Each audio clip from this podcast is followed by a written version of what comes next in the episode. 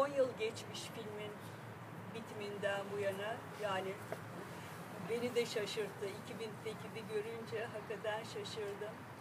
Ee, aşağı yukarı 3 veya 4 yıl sürdü e, bu filmin hazırlığı ve çekimi. E, Türkiye'de ne yazık ki arşivcilik çok e, yetersiz olduğu için yani en büyük sorunumuz bu filmi e, oluştururken, çekerken, hazırlarken, masa başı e, hazırlarken e, görsele ulaşma do- zorluğumuz oldu.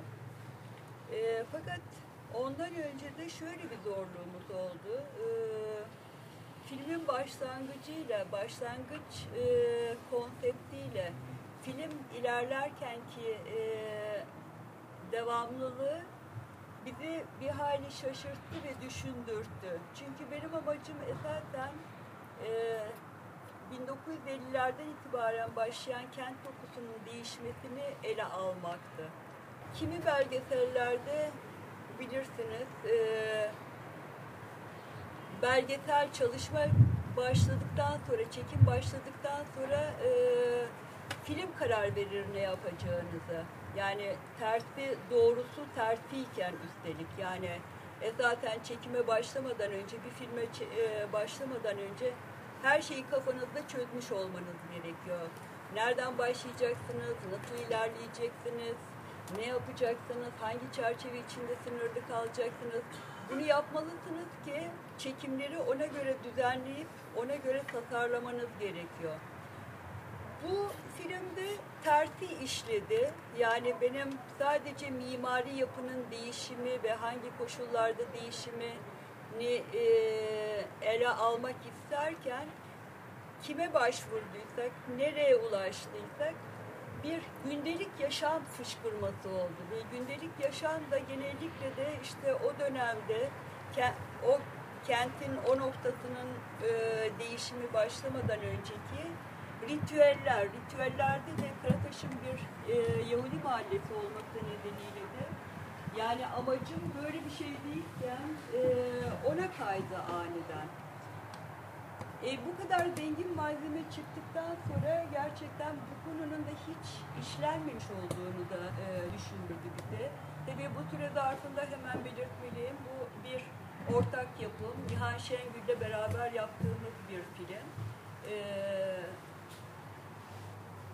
fakat senaryo aşamasında e, sanıyorum ki benim çocukluğumun orada geçmesi nedeniyle biraz daha tayin edici bir e, rolüm oldu. Tabii gündelik yaşam çok fazla bütün araştırmaya sızınca bu sefer epizotlar halinde düşünmek zorunda kaldık filmi. Yani 50'lerden başlayarak e, işte oranın trafiği, e, dinsel ve e, etnik farklılıkların e, işte bayramlarda, komşulukta, beraber yaşamda veya denize girmede vesaire vesaire yani gündelik yaşam dediğimiz ne, neyse o dinamikler neyse hepsi içerisinde bir anlamda sızmış oldu tabii. Ee, film bittikten sonra bana eksik gelen birçok yön oldu. Yani her çalışma eksiktir zaten. Yani hiç tamamlanmış bir çalışma olabileceğini düşünemiyorum. Her ne ne yaparsanız yapın hep eksikliğini hissedersiniz. Fakat eksende bir eksiklik hissettim ben. O da şöyle, e, bilmiyorum siz dikkatinizi çekti mi? Esasen şahane bir dönem, şahane bir çocukluk, orada bir cennet yaşandı ve cennet bitti ve ondan sonra cehennem başladı gibi. Yani bunu ben de eleştirebilirsiniz, ben de eleştiriyorum böyle bir şeyi. Fakat bu filmin e, bu kurulma aşamasında, daha doğrusu kurulma aşaması değil de yapım aşamasında ben aniden kendi çocukluğumun izini sürmeye başladım. Yani mesele o zaaf olarak gördüğüm şeyin esasen kendi zaafım olduğunu e, anladım. E, bu filmi yapıncaya kadar inanmayacaksınız. Ben mesela e, Mithat Paşa sahilinden geçerken denize hiç bakamazdım. Ve asla, denize asla bakamazdım. Hep başımı binalara çevirirdim. Binaları beğendiğimden, denize yeğlediğimden dolayı değil. Binalar çocukluğumun olmayan şeyiydi. Başka bir yerden geç, geçiyormuşum duygusunu yaşamak için binalara bakardım. Binaların işte e, pencereden ya- yansıyan lambasına, oradan geçen gölgesine, insanların oturmasına, oturmamasına falan yani bir yabancılaşma unsuru olarak binaları kullanmışımdır. Ee, bu nedenle denize hiç bakamazdım. Yani hakikaten içimde böyle bir e, anlar mısınız bilmiyorum ama bir acı hissederdim gerçekten. Ve bu gerçekten bu film tamamlandıktan sonra ben bir özür dilediğimi hissettim. Yani o döneme dair kişisel yani çocukluk algısıyla e, çocuk al- çocukluk algısının kaybıyla o kaybın asla bir daha hani e, o anıların bir daha asla kendi bazında kendi kişiliğimde değil yani o gündelik yaşamın asla yakalanmayacağı bilgisiyle bir özür niteliği taşıyor. Özür manifestosu. Özür manife- manifestosu olunca da çeşitli zaaflar taşıyor filmde. Ama tabii bütün bunlar e, filmin iyi ki yapılmış, iyi ki e, o döneme kadar yaşamış insanların belleklerindeki bir takım tarihi tarihi izleklere de izin verecek bilgilerin e, kanıtını yapmış olduğum için de sevinçliyim açıkçası. Bilmiyorum başka ne diyebilirim ya. İsterseniz açın, biraz sohbet ilerlesin.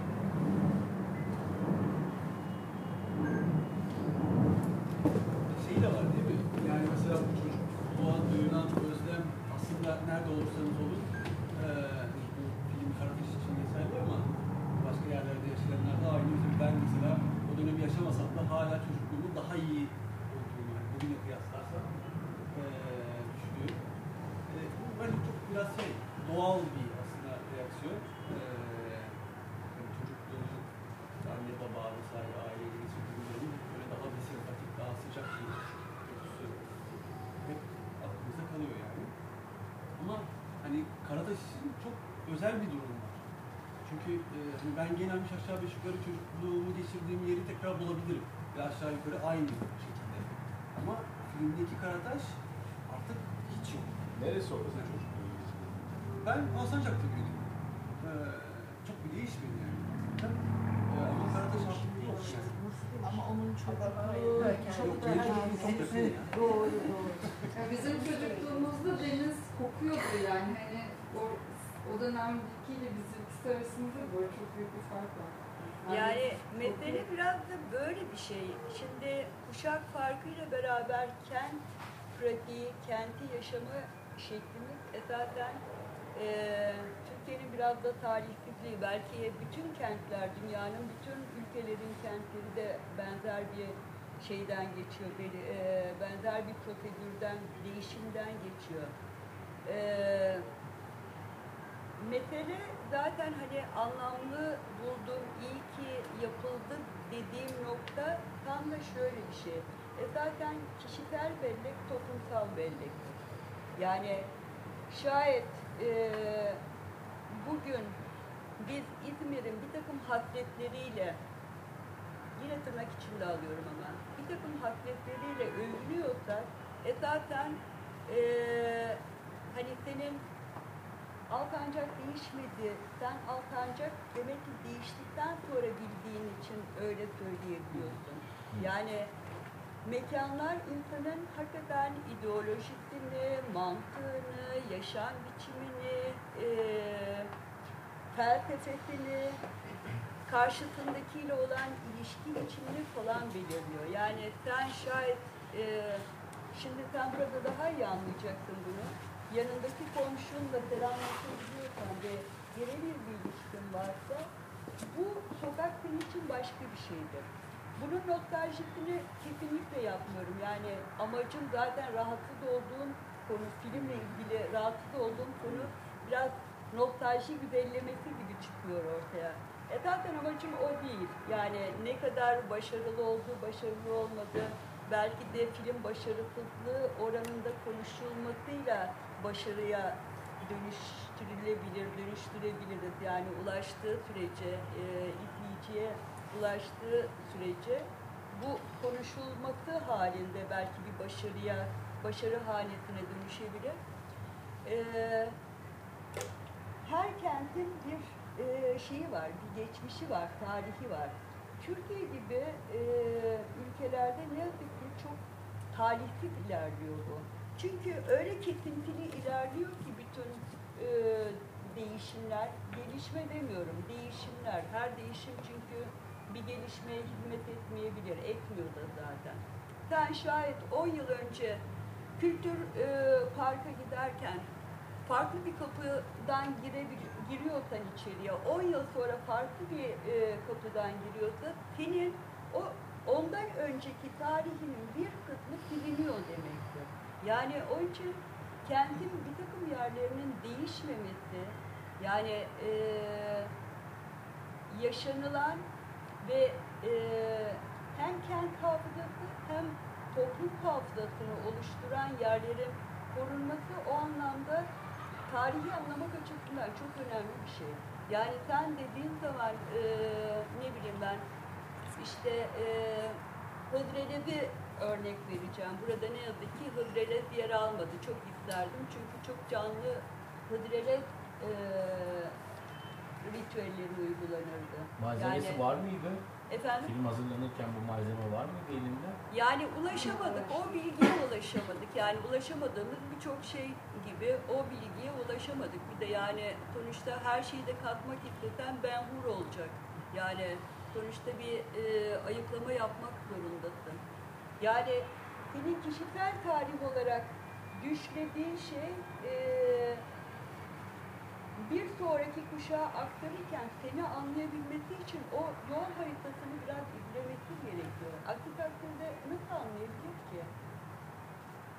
Yani anlaması şart mı? Evet anlaması şart. Yani bir toplumsal bellekten bahsedeceksek o toplumsal belleğin insanlar üzerindeki örüntüsünden ilerlemesi e, bana kalırsa hem resmi tarihi parçalaması yani yeni bir katkı vermesi açısından veya tuzağına düşmemesi için bunlar önemli şeyler. O anlamda yani nostalji olarak algılanmasından ben rahatsızım. Yani amacım bir nostalji yaratmak. Ah çok güzeldi çocuk. Evet güzeldi, şölendi gerçekten. Yani düşünsenize kalkıyorsunuz ve 10 dakika sonra denize zıplıyorsunuz yani. Kayık var, kürek çekiyorsunuz falan oradan atlıyorsunuz. Bir bakıyorsunuz o dönemde tabii bilmiyorduk. Karetta karettalar e, başlamışlardı gelmeye ve insanlara saldırıyorlardı. Biz tabii o canavarlar falan var diye falan şey tabii bilmiyorduk yani karetta karettanın ne olduğunu.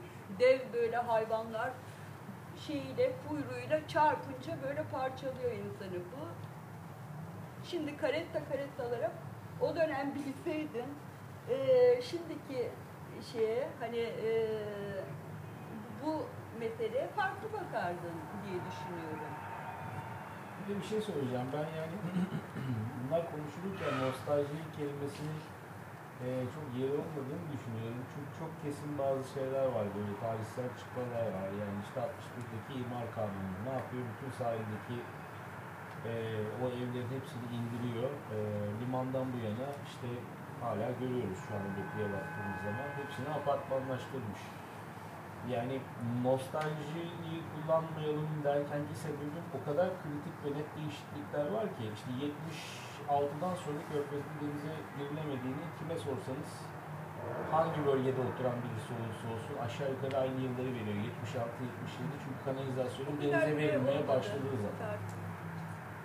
Yani hani bu kadar net şeyler varken doğal olarak aslında biz nostaljinin anlam, kelime anlamı itibariyle geçmişe bir özlem duymaktan ziyade kaybolmuş olan bir şey tekrar e, hatırlama çabasına giriyoruz gibime geliyor. Bunlar olmasaydı, devam ediyor olsaydı biz tutup da deseydik ya o yıllar çok güzeldi, şöyleydi, böyleydi, işte o zaman hakikaten o nostalji olabilirdi. Galiba o değil bana. Evet yani filmin sonunda bir anlamda tekrar hani e, çıkış noktamız olan mimariye ve kent dokusuna ve kent değişimine getirdiğimiz için biraz e, toparlanıyor. Evet. Yani mesela Cumba kayboluyor ama balkon hayatı neredeyse 90'lara kadar devam ediyor. Yani Cumba'nın bir devamı var. Sosyal hayatın içerisinde gibi.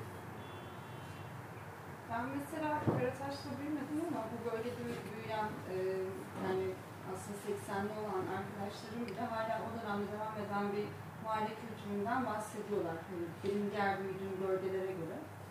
E, hani bir şekilde mimari olarak o kopukluk var. Çünkü bizim yani benim gerçekten çocukluğum ilk anıları arasında körfezin kokuyor olması var yani.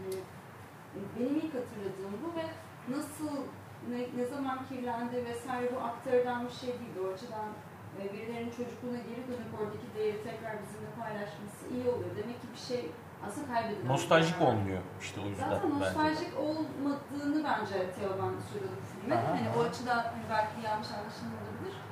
O tam da bu noktada bu değişimi göstermesinin kendi başına değerli olduğunu söylemişti.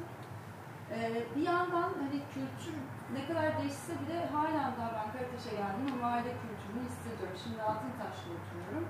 Ve daha önce Balçova, Bornova'da falan oturdum. Bunlar sonradan gelişen mahalleler, bölgeler. Oradaki mahalle kültürü daha farklı. Ama buradaki daha farklı. Yani cep telefonu icat edildi, her şey icat edildi ama hala, hala yani pencereden bağırarak birbirlerini çağırıp sokakta bütün tartışmalar işte mesela geçen bizim sokağımızda bir kız evli bir adam birlikte olmuş, ailesi kalmış bir şeyler ona da bu kadar mahrem bir mesele hani orada konuşuluyor. Bir de biraz onun burada geri kalanların devam ettirdiği bir şey olduğunu da düşünüyorum yani. Hani her şey değişti ama bir şekilde yine devam ediyor gibi. Evet, e, şimdi etkinliğin ikinci durağı olan kitapla söyleşimizde bazı şeyler biraz daha açılacak diye tahmin ediyorum. E, yani Karataş bölgesinin hani coğrafi koordinat açısından e, işte e, mimari yapısı, takı devleri, Osmanlı, Yunan karması olan o yapılar, işte denizle olan ilişkisinin e, ötesinde e, farklı kültürel kodların bir arada yaşanması insanları çok farklı etkiliyor. Yani e, bunu da bir hani yüksünme olarak söylemiyorum ama şayet farklı inanç sistemleri, farklı e, gündelik yaşam pratikleri, farklı e, işte e, inanç sistemi dedim mi bilmiyorum. Yani onların bir aradalıkları toplumları çok daha farklı bir noktada e, tutabiliyor. Yani farklı bakmalarına neden olabiliyor. Tek tipleşmeden ziyade o e, hayatta farklı inançların, farklı ırkların, farklı e, etnisitenin, farklı e, dillerin, e, fark, yani bu farklılık öyle bir noktaya gidiyor ki farklı türlere kadar, hani farklı doğa anlayışına kadar giden bir e, çeşitlilik, bir e, şey katıyor, e, algı katıyor. Yani bu algıyı da es geçme, geçilmemesi gerektiğini düşündüm. Çünkü sonuçta e, orada bir beyefendi şey diyor ya yani e, işte Yahudi ile Müslümanın en iyi yaşam örneği verdiği bölgelerden bir tanesiydi Karataş. Yani evet öyleydi. Ama aynı zamanda e, kitapla söyleşimizde bunun sadece böyle de olmadığını da göreceğiz. Yani evet bu vardı ama aynı zamanda bu da vardı. Başka bir şey de vardı. İçten içe başka bir e, dünya daha vardı. Ama bu dünyalar bir aradaydı ve bu dünyaların bir arada olması sanıyorum ki herkese de iyi geliyordu. Aslında her şeyi sormak istiyorum. Benim bildiğim kadarıyla Karataş yani birkaç yüzyıl boyunca e, Yahudi mahallesiydi. Mübadeleyle birlikte mi acaba buradaki Müslüman nüfus arttı yoksa öncesinde de... Yok yani e, birkaç yüzyıl değil tam tersine o e, 20. yüzyılın başı gibi evet. benim bildiğim kadarıyla Karataş bölgesine geldiler. Daha önceden e, Tilkilik etki şehir bölgesinde konuşlanıyorlardı. Yani sonuçta her etnisite biraz e, ülkenin konjonktürüne bağlı olarak bir e, göç haritası da çizmiş oluyor. E, yani 1800'lerin son 10 Bilindiğinin yıllarında, aa, 1800'lerin son 10 yıllarında burada yoğunluk kazanıyor. Yani varsıl kesim daha ziyade buraya geliyor. İlk gelen 3 şey var yerleşen Müslüman aile olarak geçiyor tabii. 1800 verse 200'ü yapıyor. Tabii. Yani, onu Yani evet, diyorum. kurtarıyor. Çünkü, kurtarıyor çünkü limanın işleyişiyle birlikte aslında deniz kenarına yakınlaşma ve aynı zamanda Osmanlı şehir planlaması içerisinde yüksek bölgelerde daha çok Müslümanların oturduğu iç bölgelerde diye mahkumda kalmış İzmir için özellikle ama şimdi biraz Deniz kenarı daha çok işte gayrimüslim olan ve ticaretle uğraşan kesimler işte tüccar ticaret yapan Rumlar bir şekilde Ermeniler yani sahil kenarı o şekilde diye hatırlıyorum. Şimdi Yahudileri bence biraz diğer e, hani Rumlar, Ermenilerden daha farklı bir konumları oldu. Yani bilinenin aksine Yahudiler esasen çoğul olarak yoksul insanlardı. E, hani o stereotip vardır ya zengin, cimri vesaire vesaire. Hayır yani tam tersine yoksul insanlardı. Ve bu nedenle de işte e,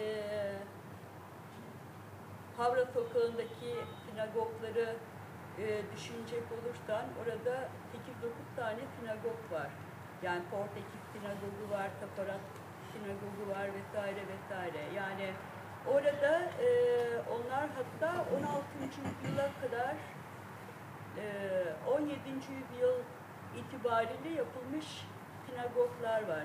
İlk yerleşim yeri orası. Fakat işte e, kendi içlerindeki sosyoekonomik yapının değişmesiyle beraber biraz daha e, şey olanlar, hani yoksulluktan çıkıp da biraz daha para görmeye başlayanlar yavaş yavaş bu bölgeye gelmeye Evet. başlıyor. Tıpkı 1950'lerden sonra işte e, mimar, konuşan mimar arkadaşın söylediği gibi e, 50'lerden sonra tabii hem kent kültürü genel olarak değişmeye başlıyor. Türkiye genelinde, İzmir özelinde ve Karataş daha da özelinde e, göç dalgaları başlıyor. Yine ilk yoksul olanlar yani ilk gidenler en yoksul olanlar gidiyor.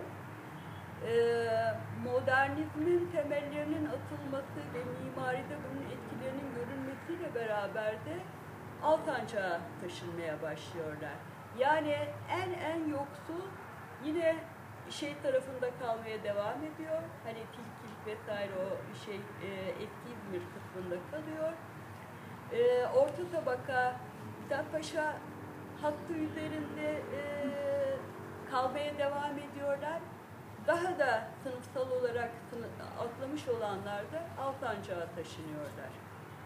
Yani sanıyorum ki işte eee e, Yahudilerin sayısının artık çok çok az olmasıyla beraber yani İzmir'de 1500 e,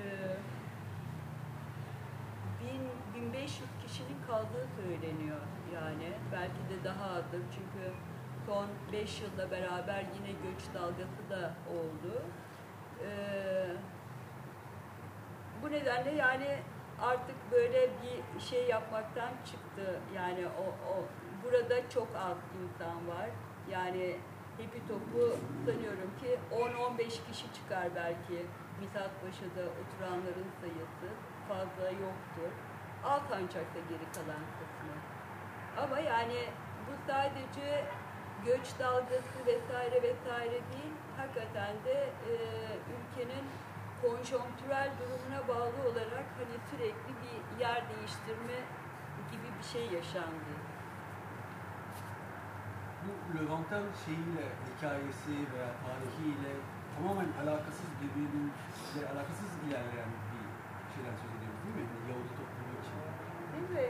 Şimdi e, Yahudiler hani çoğul olarak esasen e, İspanya'dan 1492 yılında İspanya'dan kaçmak zorunda kalan ve Osmanlı topraklarına sığınan insanlar. Yani Türkiye'deki Yahudiler yok da Hollanda'ya, Amerika'ya falan filan da gitmişler. Fakat büyük bir kısmı Osmanlı topraklarına geliyor. Ee, yani 15. yüzyıl oluyor. Fakat eee, şimdi kitap söyleşiminde de buna belki biraz daha çok gireceğiz. Eee, Türkiye'de, Osmanlı'da, hatta Bizans'ta daha doğrusu eee, bir Romaniot denilen bir Romalı Yahudiler var. Yani Anadolu topraklarındaki Yahudi e, varlığı esasen çok çok eskiye gidiyor. Yani yakın olan işte 15. yüzyıl ki onlardan bir tanesi benim yani karşımızda duruyor. E, fakat onun da ötesinde daha da eskiye giden Romaniyotlar var. Onların mesela ana dili Yunanca imiş. Yunanca idi. Yani Taparat Yahudilerinin dili Ladino, İspanyolca, hatta böyle e, biraz da dalga geçilerek söylenir Cervantes İspanyolcası. Çünkü hani 500 yıl e, hiç değişmeden kaldığı için bayağı bir antika kaldı yani Ladino. Ve tabii çok e, dilin de kelimesi girdi içine. Türkçe girdi, Fransızca, İspa- e, şey, e, İngilizce girdi, Farsça girdi, Yunanca girdi falan yani. Kifayetsiz kaldığı anda başka dillerden apartıldı e, ifadenin devam etmesi için. Bu nedenle yani Levantenler çok farklı bir kategori.